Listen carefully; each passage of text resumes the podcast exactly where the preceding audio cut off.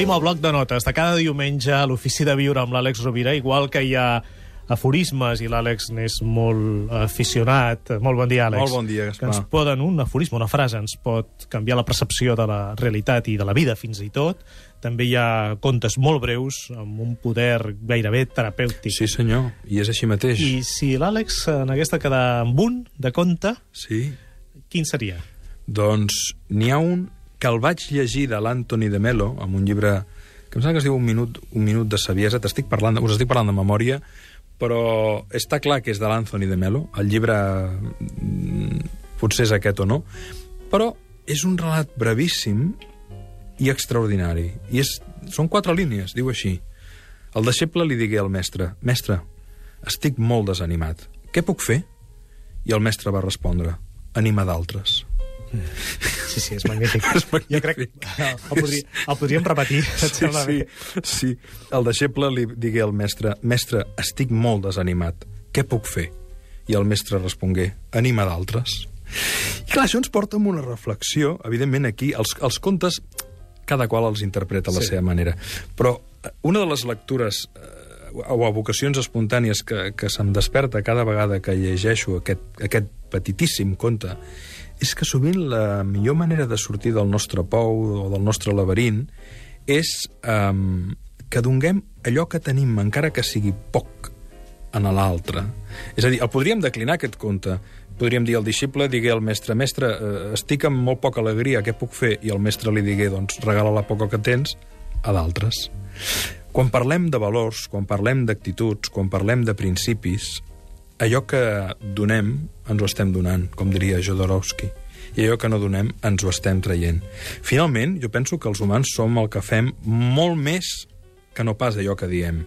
I com indica clarament el mestre en el seu deixeble, la solució a bona part d'alguns de dels nostres problemes passa per la conjugació de dos, de dos verbs que són estimar i fer.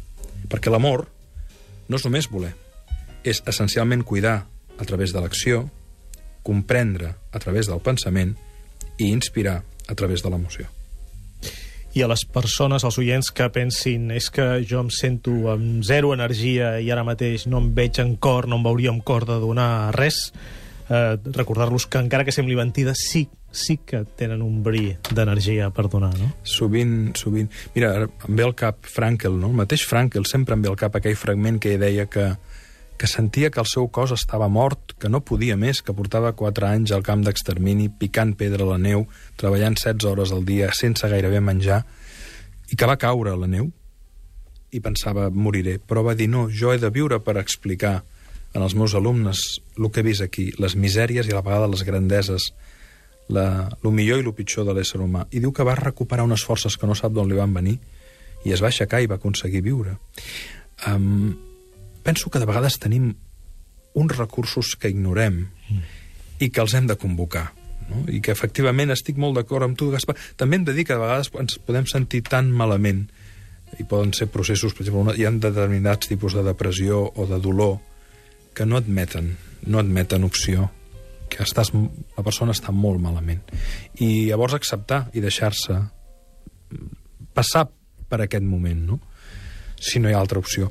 Però també és cert que hi ha altres vegades que sentim que potser no podem més, hi ha una petita espurna que ens pot posar de nou en marxa i, com diu bé el conte, donant als altres allò que sentim que ens manca, podem començar a trobar un sentit, a animar-nos i a recuperar-nos per tirar endavant. Els oients que vulguin llegir aquest text i d'altres de l'Àlex Rovira poden anar al seu web alexrovira.com. Àlex, moltíssimes gràcies. Moltes que gràcies molt bona a tu, setmana. Gaspar. Una abraçada a tots, amics.